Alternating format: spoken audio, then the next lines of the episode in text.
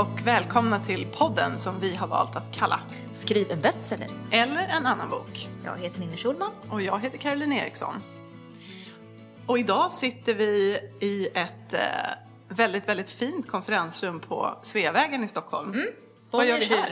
Ja, vi ska träffa John Häggblom, min redaktör minsann. Välkommen John! Tack så mycket. Vi ska väl börja med att presentera dig lite grann kanske så att lyssnarna får veta lite mer om vem du är och vad du spelar för roll i Ninnis liv framför allt. En alltför stor roll. Nej men John, du har ju jobbat på Forum i eh, ganska många år, sedan 2004. Yes. Eh, började som fitnessredaktör på Fitnessförlaget. Vi har tampats med varandra sedan 2009 när jag fick mitt första kontrakt och har fem barn, höll jag på att säga, men fem böcker tillsammans. Fem kärleksbarn. Precis. eh, och eh, ja, du är på Forum. Yes. Eh, och eh, förutom mig så eh, redigerar du bland annat Camilla Läckberg och Fredrik Backman och andra storheter. Så du är inte vem som helst. Nej. Nu Men blev man jag, tyst. men jag är mest Ja, din. Ja, det är mest min. Mm. Men jättekul att du vill vara med. Tack. Verkligen roligt. Ehm, förra veckan var det ju min redigeringsprocess som stod i fokus. Eh, idag ska jag försöka och eh, eh, lämna över ordet mer till er båda. Eh, vi ska prata om Ninnis redigeringsprocess, eller er redigeringsprocess om man får kalla den så. För jag vet ju att ni jobbar, eh, ni har ett väldigt tajt samarbete.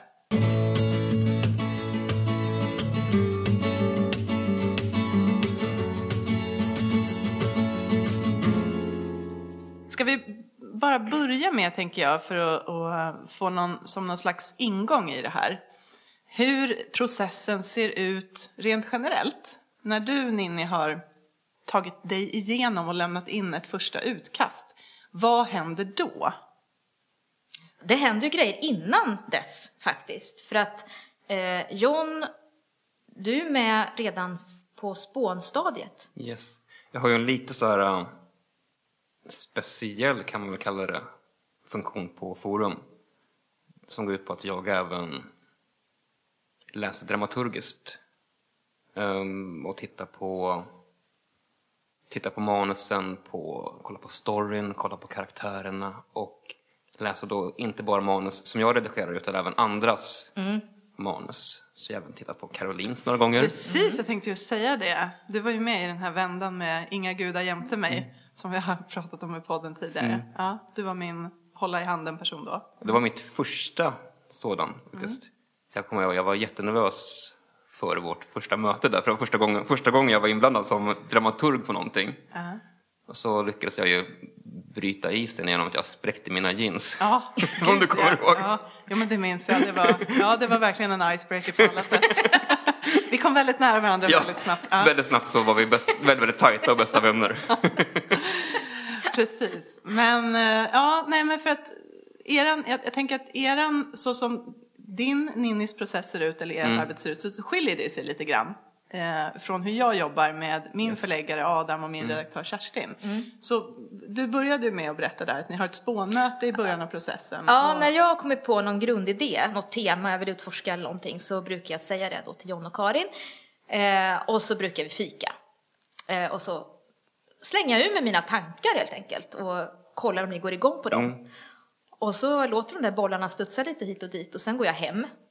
Då säger ni ofta så här, det där blir jättebra, säger ni. Och vi ses om x antal veckor eller månader. Precis, så brukar jag då få en deadline för råmanus och sen går jag hem och skriver.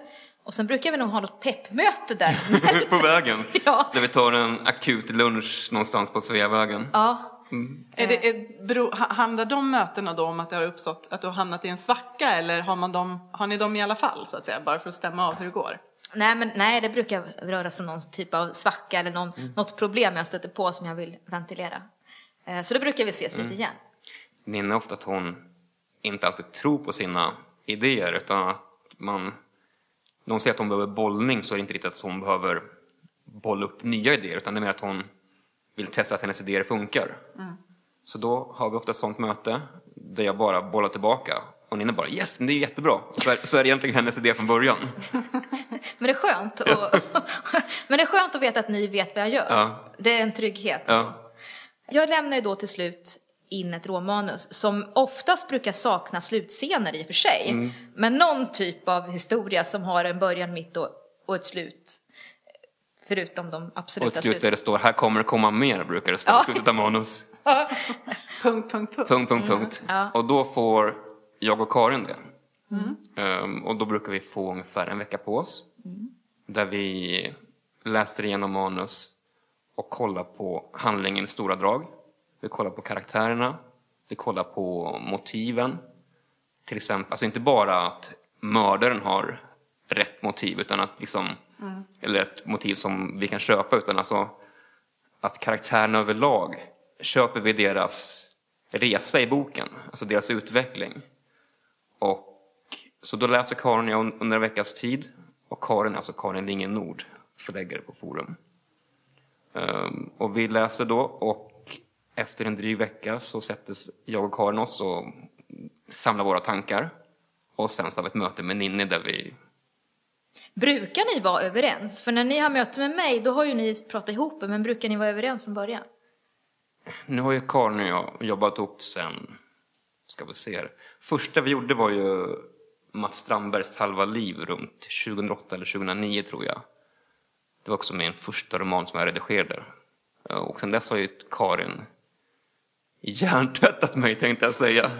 Så att vi är ju extremt synkade. Du vet vad hon tycker. Ja men Så alltså... du säger det som du vet Ja, men, att hon tycker. nej men alltså någonstans så blir det ju så att eftersom vi jobbar så tajt ihop så kan vi bli som, som, tvillingar som fyller i varandras meningar på något konstigt vänster. Så att det är både bra och dåligt att, att vi är så pass synkade som vi är. För att ibland kan man behöva någon som inte alls håller med.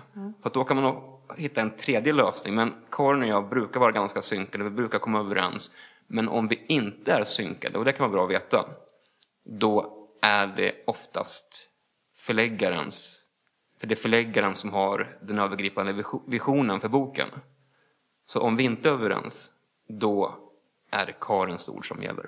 Det finns ett sånt tydligt mål ändå att förlaget ska prata med en röst Ja. när man möter Ja. författaren. Yes. Så även om det har funnits lite skilda uppfattningar mellan er så är det ingenting som... Nej, det är väldigt sällan. Om det inte är så att vi från början säger ja men här kan vi gå två olika vägar. Vi kan gå den väg som du föreslår eller, den väg som jag föreslår. Då kan man bolla det med författaren. Men ofta är ju den kreativa processen ganska osäker. Alltså, man, alltså författaren behöver ofta trygghet, någon, någon att men fick, alltså på riktigt hålla i handen. Ja, det var inte en slump att jag använde just det uttrycket. Och eh, då kan inte vi heller visa någon, alltså, allt för stor osäkerhet kring hur vi ser på boken och berättelsen. Utan då måste vi försöka vara ganska liksom, tydliga med vad vi, vad vi, hur vi ser att historien ska sluta och gå. Jag tänkte de här, det här feedbackmötet då, det här första mötet Mm. som är när du och Karin har pratat ihop er och Ja. har en gemensam bild.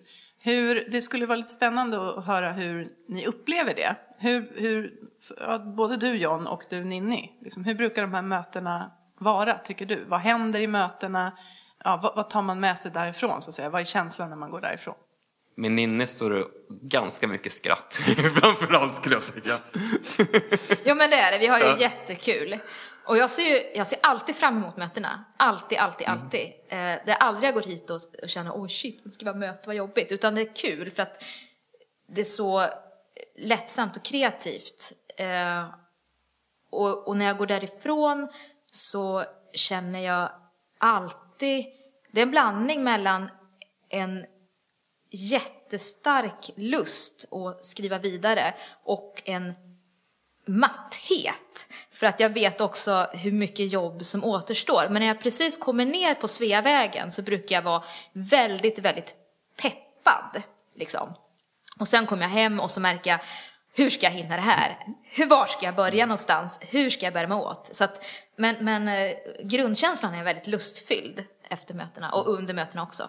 Det var ju på ett sånt feedbackmöte som vi, du fick uppdrag med vår egen lilla hemlighet att Ja. lägga till en... En karaktär. Ja, Och det kändes ju så klockrent. För jag hade, det har vi pratat om i podden va? ja. Jag tror det, men ta det igen. Ja men eh, för de som inte har hört det då så, vår egen lilla hemlighet som handlar om våld i nära relationer.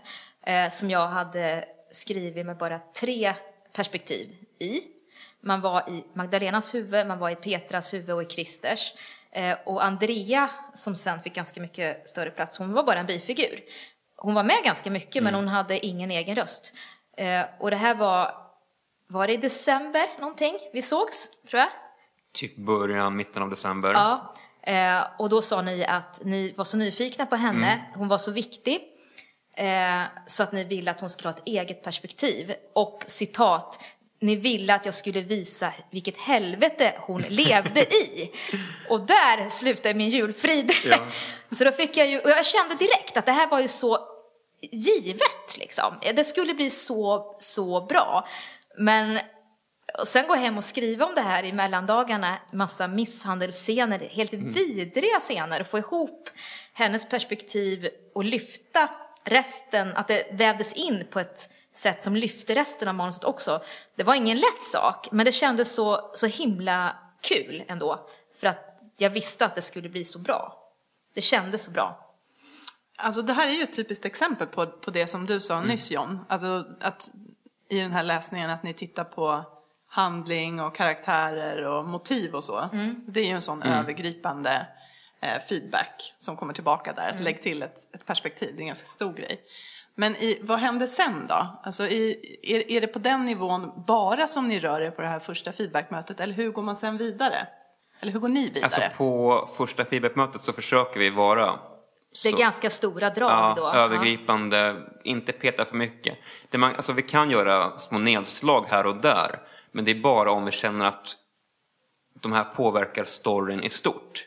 Vi vill inte gå in och peta för mycket i språk eller detaljer för att då förstör man processen. För det här är, det är mer, tror jag, det vet väl Ninni bättre, men man, det är mer flow i skrivprocessen om man inte behöver tänka på små detaljerna. Ja, ja, ja. Eh, Man sätter själva historien först och sen är det som att man går ner mer och Mm, mer. exakt. Från det stora till kommatecknen Yes, går yes. ju den här resan. Men en grej som jag brukar ofta få frågor om när jag är ute och pratar för folk på bibliotek och sådär är ju hur mycket, hur mycket bestämmer förlaget? Om de bara säger att det här, du måste göra så här istället. Mm. Eh, ni kan ju ha åsikter, men man utgår ju ändå alltid från det som finns. Yes. Det är ju inte som att ni säger så här att vi tycker att mördaren ska vara eh, en sjöman som kommer åkandes eller att ni plockar Nej. fram någonting som inte alls fanns från början. Nej. Utan det är ju, man utgår ju från texten som den är och sen försöker man lyfta den. Ja, vi, alltså, vi utgår alltid från det vi har. Alltså författarens story.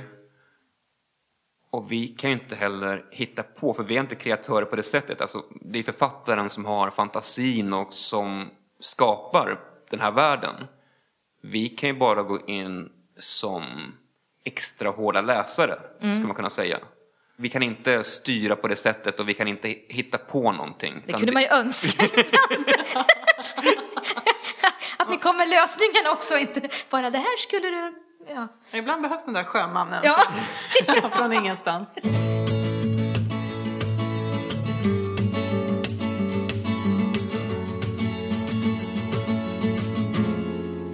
Efter det här feedbackmötet då, då går du hem. Hur lång tid brukar du få på dig då och vad, vad händer sen? Någon månad va? Mm. Det beror lite grann på hur mycket det är, men kanske fem veckor eller något sånt. Det man får tänka på här när vi pratar om tidsplanen är ju ofta att vi tyvärr har en deadline att hålla oss till.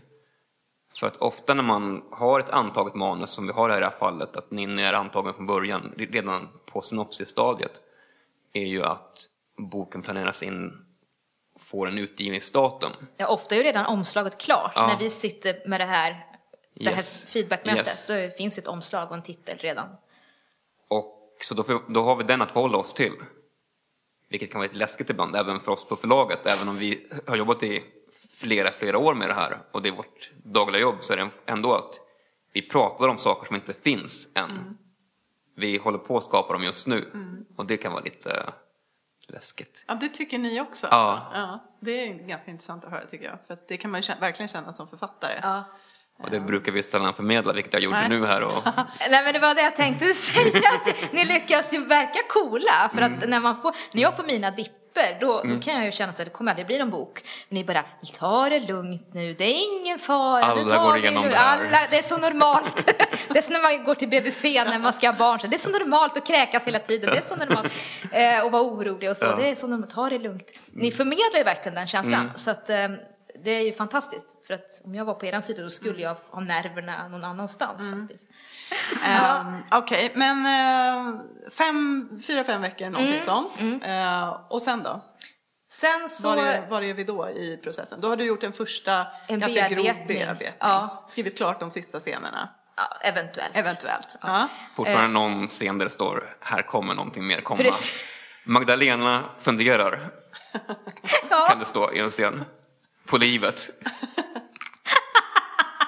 ja, det är sant. Just Det det exemplet låter som att just det exemplet har funnits, eller? Ja. Ja, gud ja. Fundera på att göra det eller det. Ja. Magdalena mår dåligt, punkt, punkt, punkt. Kan det stå. hela tiden. Kan det stå en scen? Ja. Ja. Eh, nej men då, då får du tillbaka det igen då. Yes. Eh, och det är förmodligen en historia som håller ihop lite bättre, eh, lite tydligare, eh, renare eh, och så. Och då börjar du redigera på riktigt. Yes, det är nu som man börjar med sin första riktiga redigering. Och det kan vi ju, vi nämnde i förbifarten det här med att jag även jobbar som manusutvecklare. Och jag vill inte säga i normala fall att det ska vara så här att, men för det mesta, eller grundidén är ju att först ska en förläggare läsa och ge sin allmänna feedback. Och det kan man göra kanske en, två, tre vändor beroende på hur mycket som behövs. Och efter det, så kanske, alltså strax innan det är dags för ett redigeringsfärdigt manus, så kan man koppla in redaktören som också gör sin för, strax före redigeringen läsning. Och sen så kopplas redaktören på och gör sin redigering. Så brukar det se ut, men eftersom jag har en annan roll så brukar jag även på de böcker som jag redigerar så kan jag gå in och läsa redan från synopsis och idéstadiet. Vilket är bra för berätt, alltså för storyn och för karaktärerna och för känslan och miljön. är ofta, är ofta väldigt bra för jag känner, kanske inte riktigt lika bra som du känner storyn inne men I princip. i princip kanske. Eh, så på så sätt är det väldigt bra att jag gör den läsningen. Men på andra sätt så är det ju inte så bra för att då kan jag, eftersom jag har läst det så många gånger så kan jag ibland göra vissa missar. Men det tror jag att vi kommer komma in på lite senare under samtalets gång. Men låt oss komma in på det nu. Det lät väl som ett spännande ämne. Jag tänkte Vad att- kan det vara för någonting till exempel? Nej men det är mer mot, när vi närmar oss korrekturstadiet. Mm, okej. Att då kan man upptäcka vissa så här, men shit, vad hände här? Och det är bara för att jag har, jag kan storyn så väl så att jag vet ju exakt vad som händer här. Just det. Du blir blind Jag, för, jag, för jag, texten jag, samma jag blir blind som- för texten ja, på samma ja, sätt som ni blir blinda Ja, för texten. just För att jag har varit med så länge. Ja. Och om man då har den mer klassiska uppdelningen, att förläggaren läser först och sen tar, den, tar den någon annan vid som redaktör, då har man ju fräscha ögon och kan upptäcka liksom, plocka de här sakerna som förläggaren missade vid den allmänna läsningen. Det. Ehm, men nu är det i alla fall dags då för mig att göra min redigering. Och då, Och då- är det du som har tagit över Då tar jag bollen helt ja. och hållet. Nu är Karin... Då har han vårdnaden ett tag. Ja, jag var Varannan veckas... Karin är bortkopplad, Ja. typ. Ja. Hon är en frånvarande förälder just nu, förläggaren. Och jag sitter med manuset i ungefär tre, fyra veckor, beroende på. Och då skriver du ut det på papper och använder blyertspenna och sitter och läser Yes. text. I det här fallet gör jag det. Det finns, alltså, med andra böcker kan man göra en redigering direkt på skärmen, där man verkligen går in och för in ändringarna direkt. Och, men med Ninni så skriver jag på papper och så tar jag fram en blyertspenna för att en redigeringsanteckning får inte vara med rödpenna för då ser det ut som ett fel och det får inte vi. Det är bara förslag från vår sida. Det står i era policydokument att så gör Någonstans har vi, nej, men man får lära sig det man, av äldre kollegor Ja. att man ska aldrig redigera med rödpenna.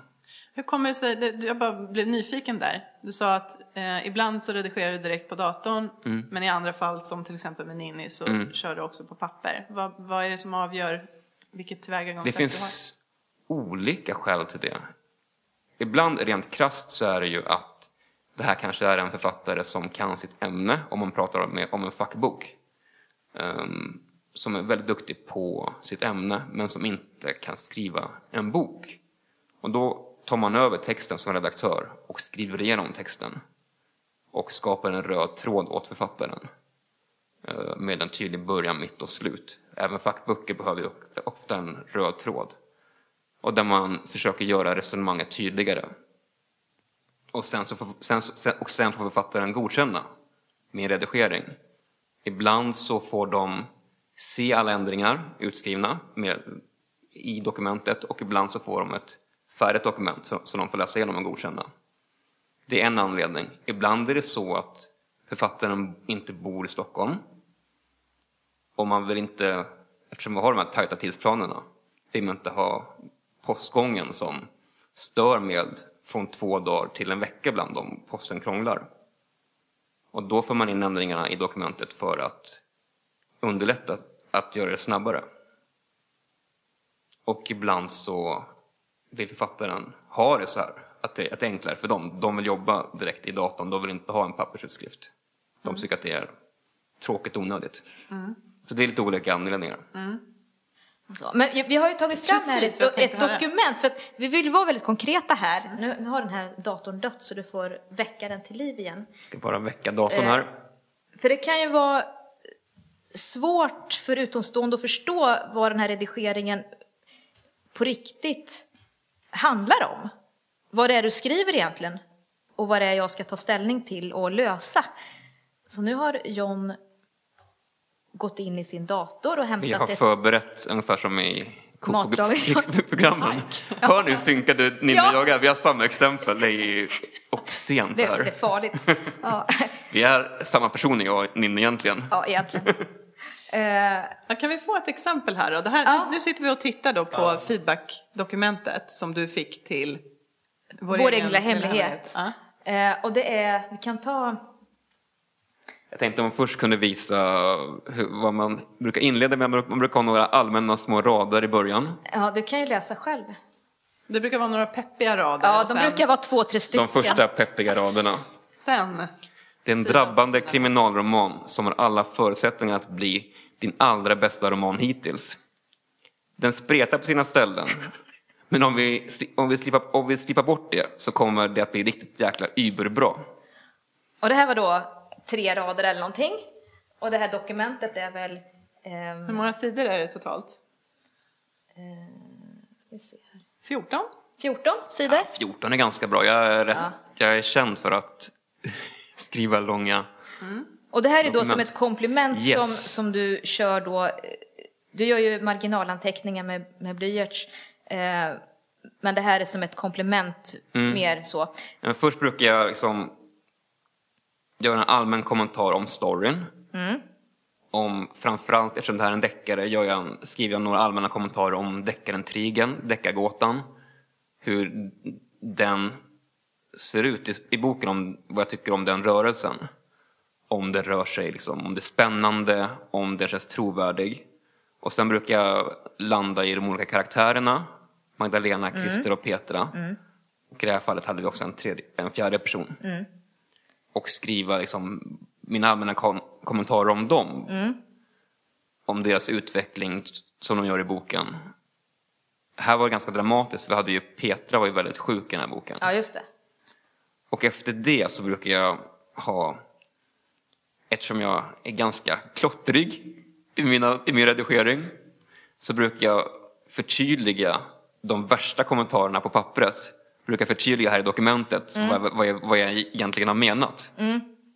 Eh, och då kan det stå så här, sidan 47, eh, kolon. Förtydliga gärna att Christer misstänker Torsten här, punkt. Och så nästa rad, sidan 50. Förmedla större oro för Andrea från Magdalenas sida. Eh, frågetecken är det på den faktiskt också. Eh, misstänker de både Andrea och Kate eller misstänker de bara Kate? Eh, och så vidare. Så det är ju på på den här nivån mm. är det ju mm. nästan på varje sida mm. olika små funderingar. Um, och det här är ju, det här dokumentet är 14 sidor långt så att det är mycket jobb. Mm. Och jag brukar säga det att när man kommer till redigering som man förstår att det är ett jobb på riktigt att vara författare. För att skriva ett manus det är en sak men att orka med och gå igenom allt det här och hitta lösningar och också, allt håller jag inte med om heller. Hur förhåller du dig till det då? då? Hur gör Nej, du då? men, men det mesta håller jag med om. Men ibland så kan det vara någonting, nej men det här tycker inte jag, det här funkar för mig och jag vill inte ändra på det. Då, då struntar jag ju det helt enkelt bara. Eh, Men det är ändå någon, ett ställningstagande jag ska göra. Jag måste bestämma mig för, håller jag med eller håller jag inte med? Håller jag med, vad, hur ska jag lösa det? Vissa saker går ju lätt att, att lösa, men en del saker behöver man ju jobba med i andra kapitel samtidigt och hitta nya trådar och eh, sådär. Så det är ganska jobbigt. Då har du några veckor att sitta med det här. Mm. Vad kan det vara, tre veckor? En månad? Vi vill ju ge fyra, fem veckor. Ja, men- men... återigen så har Ja. vi ju en, verklighet. deadline. Ja. Hur, vad, hur brukar du liksom, eh, har du någon sån här generell, eh, kan du se ett mönster i hur du, eh, hur du känner dig eller eh, så under de här olika faserna? När känner du dig som, var är du nu när du fått den här andra? Nej, men jag brukar tycka att när jag får den här feedbacken, då brukar jag tycka ändå att det är väldigt skönt. För att man, mycket jobb är gjort och det är väldigt tydligt eh, vad det är jag ska göra. Samtidigt så vet jag inte hur lång tid saker och ting tar. Tidsaspekten är jobbig här, för att man vet inte alls om någon, en liten kommentar tar en timme att fixa, om det tar fem minuter eller två dagar eh, för att tänka ut. Så den stressen finns. Men samtidigt tycker jag att man börjar närma sig något och det är väldigt skönt att, att och bocka av de här Mm. grejerna. Jag sitter med överstrykningspenna och stryker. Nu har jag gjort si och så många idag och imorgon ska jag göra det här. Och det är väldigt konkret på ett sätt också. Så jag tycker om det.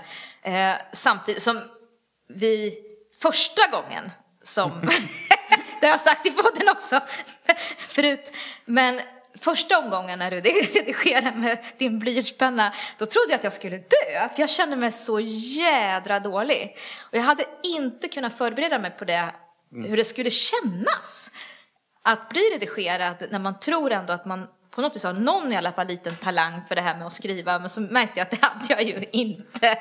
Det kändes inte så. Mm. För det är ju så här att när du redigerar, då ska ju du fokusera på det som är dåligt. Det här som är bra, det, det är ju bara bra. Och, och då när jag ska ta hand om det så ser jag ju bara det som är dåligt och då är det ju väldigt lätt. Och här kommer vi in på nästa steg då, för att då börjar jag stryka en massa. Just det, nämnde du lite grann. Du, du gav en liten teaser till det Ja. förra avsnittet, att när du börjar närma dig slutet sen, Ja. ju närmare tryck du kommer, så börjar du stryka. Vad handlar det om? Varför gör du så? Därför att då hatar jag boken. Mm, Det är ju logisk Ja. reaktion. Nej, men vad, vad tror du att det beror på? Jag är så trött på det. Och så, och så tycker jag på riktigt att det är för mycket överallt. Men då får jag inte det för John. Nej, då, då blir jag- då blir han arg. Då lägger du tillbaka, eller vad? Jag får lägga tillbaka saker Ja. som Ninni stryker. Ja. Ja. Och säga att det här är jättebra, det är jättedrabbande, här gråter både jag och Karin, du måste behålla det här.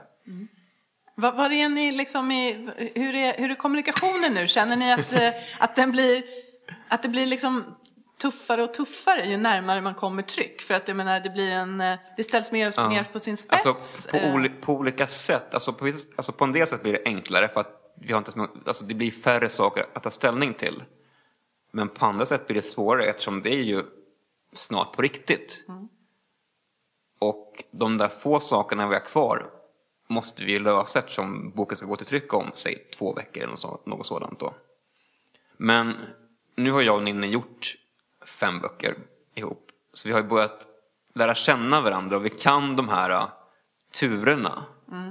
Ehm, Ni känner varandra också som personer ja, exakt, i det här. Mm. Exakt. Och jag vet ju att Ninni kommer tvivla.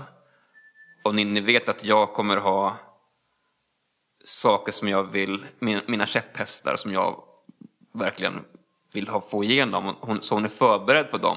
Vilket är både bra och dåligt för att vi är förberedda på att snart kommer det komma den här diskussionen. Man skjuter den framför sig Ja. tills den inte går att skjuta Ja. längre framför sig. Nej, men jag tror att första gången som vi jobbade upp, det var inte heller, jag hade inte gjort så, så många romaner. Jag kommer ju från fackboksvärlden. Jag gjorde ju många så här träningsböcker först, vilket var väldigt, väldigt bra som skola för mig att jobba med författare som inte kan sitt hantverk, alltså skrivandet, utan de kan det andra, det de är experter på. Så, att, så jag, kan, alltså jag kanske var övernitisk, tror jag, när jag började som skönlitterär redaktör. Där har jag och Ninni fått mötas längs vägen. Och Ninni har också lärt sig hur jag jobbar och jag har lärt mig hur Ninni fungerar. Så att det är både enklare och mer utmanande på det sättet att eh, man tar hänsyn till varandra på ett sätt där man tar hänsyn till personen. Och det kanske inte alltid är jättebra för boken. Så det är en speciell resa. Mm. Mm. Hur upplever du det då? Vad, vad, säger du? Känner du igen det som John beskriver? Har du andra tankar kring just ert eh, liksom, samarbete och hur det påverkas av att man känner varandra och man vet kanske varandras svagheter eller eh, Ja, nej, men jag, jag kan ju skriva en mening och så tänka så här, ah, den där gillar inte John, sätter bort den på en gång. Och det kan ju vara dumt, för det kan ju vara andra i världen som tycker den meningen är jättebra. Eh, men det är på något sätt att ja, men då slipper jag hålla på och tjafsa om den här mm. meningen sen fram och tillbaka, utan mm. då, då vet jag det. Mm. Eh, och, och, det är ju en fara faktiskt på något sätt. På ett, ja, mm. kan det vara. Nej, men och sen så, så är det ju också att när man har gjort så pass många böcker så här så vet vi ju att på slutet där så blir det väldigt känslosamt. Mm. Och du går till Karin och säger att nu är Ninni jättejobbig, hon vill stryka hela boken och ändra allting och jag gråter hemma och tycker du är jättedum. Fast man egentligen mest är trött. Ja. Men så jädra trött mm. liksom. Jag orkar inte mer, jag orkar mm. inte mer och du vill ha mer och mer och mer. Mm. Och skriv en scen där och det här och jag bara nej jag orkar inte mer, kan han inte bara sluta? Mm. Samtidigt som jag vet att du gör det här för bokens skull. Du, mm. du har, det finns en poäng. Mm. Och jag vill liksom eh, vrida ur som en trasa det sista droppen liksom för att verkligen ge allt. Mm. Och till slut så bara, nej jag orkar inte mer. Nej, för att man har ju, vi har ju ungefär, man brukar ha ungefär två eller tre redigeringsvändor till. Där man går mer, ner på detaljnivå mer och mer för varje gång. Och det är väl där någonstans Ninni börjar ruttna på texten mm. när vi kommer till tredje vändan. Det här är fortfarande innan vi korrläser? Ja, precis. När vi, när vi fortfarande redigerar mm. utskriften av mm. Word-filen. Um, och då kan jag känna, alltså när jag kommer närmare mig slutläsningen, när vi snart har ett slutmanus, att men här skulle jag vilja, den här scenen kan bli ännu mer drabbande Ninni kan få läsaren att gråta ännu mer. För Ninni är expert på att få läsaren att gråta. Är, hon är nog världsbäst på det. Jag vet ju det och då vill jag att även läsaren ska få uppleva det här. Så då kan jag skriva ett, jag menar ett mail till Ninni eller ett sms att den här scenen i slutet här, du kan väl landa den lite, lite mer för jag vet att du har det inom dig. Och då kanske Ninni inte riktigt är på det humöret. Nej men grejen är att att skriva de där gråtscenerna kräver ju så mycket av mig också. Ja. Att sätta mig i den situationen gråtmod själv liksom. För det, jag gråter ju själv när jag skriver de scenerna. Och det är inte bara så här, ah, okej okay, nu ska vi ner i den där gropen igen och gråta lite till. Det är ju jobbigt mm. också. Mm. Samtidigt som jag vet ju att det blir bra. Så det är ju en hela tiden en balansgång det där.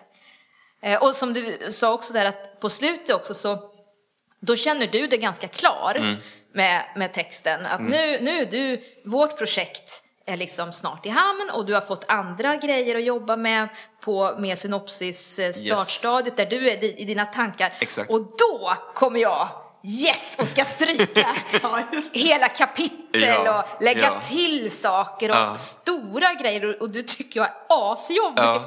Du bara, oh, men vi, vi, har ju, vi har ju två sådana vänder där jag inte Ninnes största fan, kan man säga. Vad är det hon gör som är besvärligt för dig, för dig som redaktör? Men dels har vi då slutmanus. Och det är alltså sista versionen av Word-filen innan jag sätter texten in design. Så att den blir se ut som en mm. bok? Yes, så där, då har vi då slutmanus och då har jag och Ninne jobbat tre, fyra vändor utan Karin.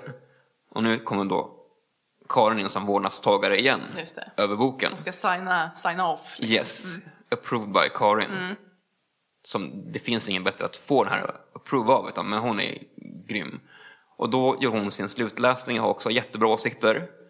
Och vid varje, ja, vid varje bok med inne så kommer Karin in på, in på mitt rum. Hon har glansiga ögon, sminket har runnit, hon darrar på rösten och det här är, hon bara, det här är fantastiskt, underbart, ändra ingenting, säger Karin. Ja. Och sen så får jag då Ninnis slutändringar och då bara, men allt det här som Karin älskade och grät av vill Ninni stryka. Vad brukar ni landa då? Brukar ni, landa, brukar ni mötas på mitten eller är det Men vi brukar deala lite. Vi brukar deala lite. Mm, mycket dealande. Ja, om jag får behålla det här så får du behålla det där. Ja. Och, faktiskt. Ge och ta. Ja, ge, ge och ta. Och också handlar det om, när vi väl sitter där med slut, slut, slutkorret, att eh, om vi tar bort den här meningen så kommer nä, nästa kapitel hamna på nästa sida, så det bryts. Vi kan inte lägga till den meningen för att det, då, då passar det inte Nej. hela boken. Så det är sånt också man måste ta hänsyn till och faktiskt bara, okej då, kör då. Jag skiter i det, nu, nu kör vi den här boken. Och sen så på slutet så, det kan också, alltså Ninne kan ju bara ha gjort en ändring som du säger, det kändes inte jättebra när du gör det. Alltså, alltså, Du frågar mig, så här, varför vill du ta bort det här, säger du? ja. Därför att det skär i själen. Ja, Det kan vara ett ord däremot. ja, exakt. Och då får man ta ställning till det också och känna att men, för jag har haft nu Sara Lindegren som, som marknadsför boken, kanske har läst den och älskat den. Karin har läst den och älskat den. Och den här meningen tycker ju vi kanske lyfter hela scenen. Och då får man, måste man ha det i åtanke när det skär i Ninnis själ.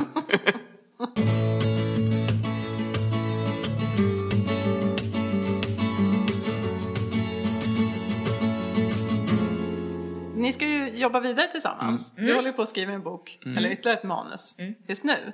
Jag tänker att det skulle vara lite intressant för lyssnarna att få ta del av då om ni har några lär, tagit några lärdomar av det, det jobb som ni har gjort hittills tillsammans. Finns Mm. det någonting som ni liksom tar med er in till nästa process? När nu den, ja, den pågår ju redan, Mm. men, men eh, som, som ni liksom tänker att det här ska vi göra. Mm. Ska vi eller jag göra annorlunda eller bättre? Eller vad finns det för förbättringspotential i eran process? Jag har ju en så här, så här, tråkig tidsplansgrej. Det är det här med att, återigen, att Ninni vill ändra allting i slutet.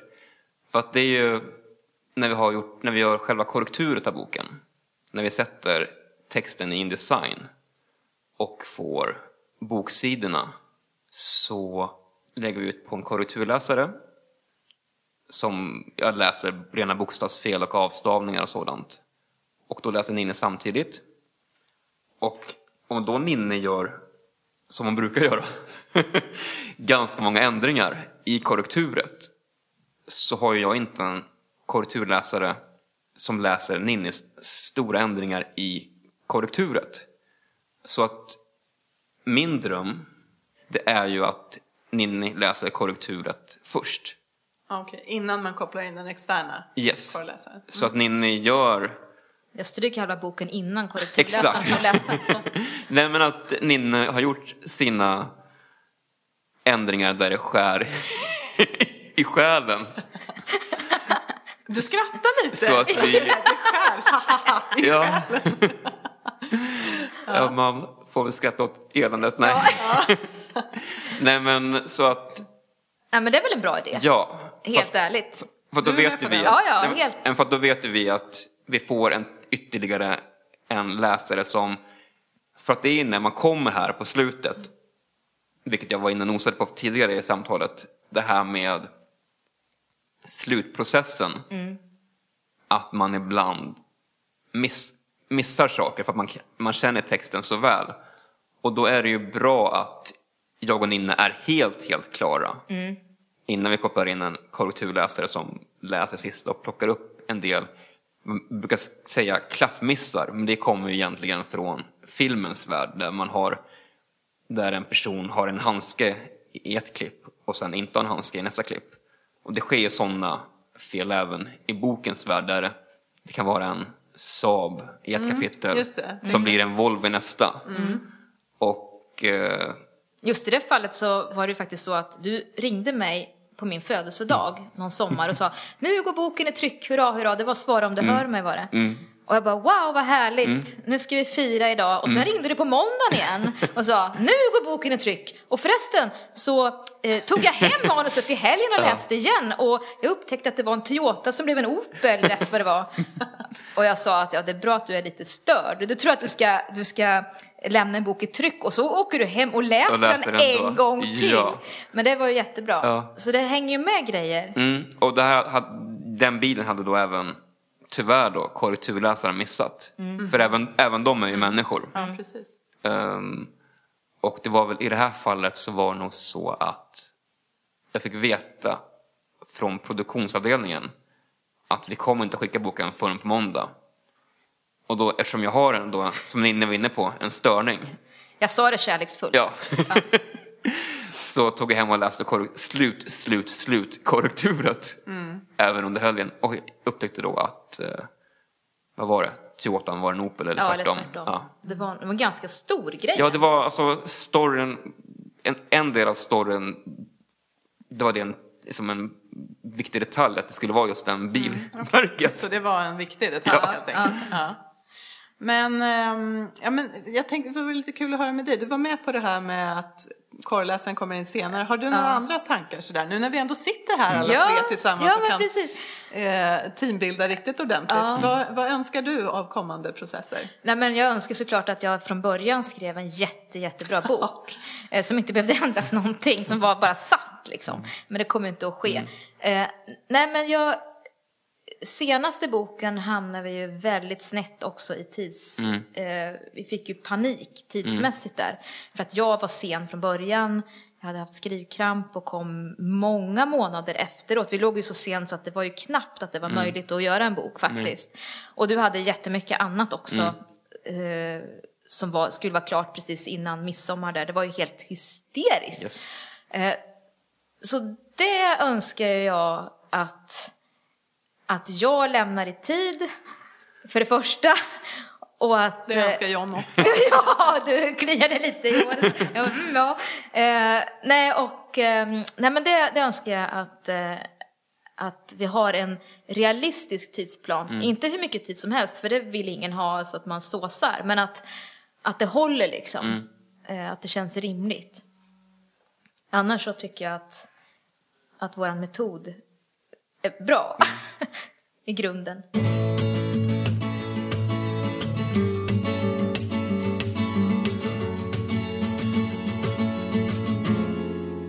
Det känns som att vi har verkligen fått följa med er genom er process här. Är det någonting mer som ni känner att ni eh, vill tillägga eller som vi inte har berört?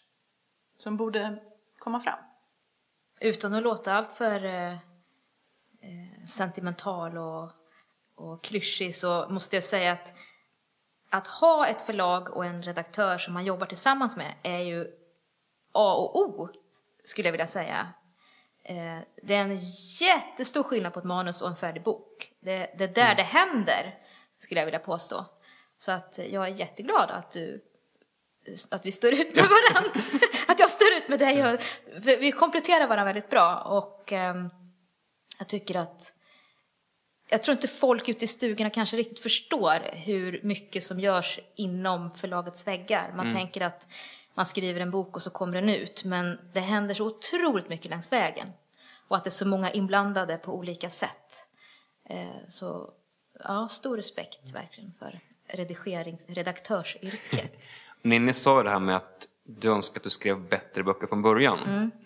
Och jag tror väl att vi måste förtydliga för lyssnarna att en redaktör, det är sällan rena fel som man rättar. För att Ninni gör ju inte fel på det sättet. Alltså, vårt jobb är att se, vi har det här fantastiska manuset som är svinbra. Och nu ska vi bara pinpointa det, de ställen där vi kan lyfta det ännu mer. Härligt. Känner du, känner du dig sugen på att skriva själv då? Eller hur känns det liksom att stå, du, du står ju ändå bakom väldigt, väldigt framgångsrika författare i det här Mm. landet och har haft finger med i, i många storsäljare, verkligen. Om man säger skriv en bestseller så redigera en bestseller kan man ju sä- säga att det här Ja. avsnittet kan heta. idag. Men hur känns det när, när liksom känner du att du vill, så här, jag vill också med? jag tror, alltså man måste tänka på att det två helt olika saker att vara författare och vara, vara redaktör. Um, man måste ju ha en story att förmedla. Och alla har ju inte det. Alltså man säger att alla bär på en historia, men jag vet inte om det riktigt stämmer. Um, alla kanske inte bär på en historia som blir en bra bok. Och jag tror att jag är en bättre redaktör, en bättre manusutvecklare än jag är författare. Så att just nu har jag inga planer på det. Då säger vi tack, Tack till så dig mycket. John. Tack snälla för att vi fick komma hit och tack för att du ville vara med i podden. Tack själva. Eh, Det kommer bli ett toppenavsnitt tror jag. Och så eh, ska vi avrunda med att påminna På- ja. om vår lilla tävling. Det är så himla kul att ni skriver på Facebook-sidan och berättar vilka ni är. Underbart kul att läsa. Ja, verkligen. Det är, man blir på så bra humör när Mm. man går in där. Ni är jättehärliga. Vi blir jätteglada, vi läser alla kommentarer och vi blir väldigt, väldigt glada för era snälla ord och eh, intressanta tankar. Mm, och tävlingen pågår ju eh, fram till den 9 april. Så eh, om ni vill vinna varsin bok. Eh, Eller ett bokpaket. ja, ett bokpaket, så heter det. Vi, vi tävlar ut tre stycken bokpaket med en bok av oss eh, var i den. Så skriv eh, lite grann där på Facebook-sidan och var med. Ska vi säga tack till eh, Timmy Strandberg då som eh, klipper och mixar alla våra avsnitt. Och till Josh Woodward som har skrivit musiken. Hej hej! Hej då! A sticky summer's day in Shepherdstown. An eagle in a thermal is a circling round like a tire on a bike rolling down Columbus Street. But Katie got a little look of hope in her eyes and her arms unfold and she looked to the skies and said, I'm gonna learn to fly around with you, yeah. She jumped up high and she fell to the ground and skinned her little knee and made a horrible sound. She got right up and she tried it again and smiling all the way with her unstoppable grin.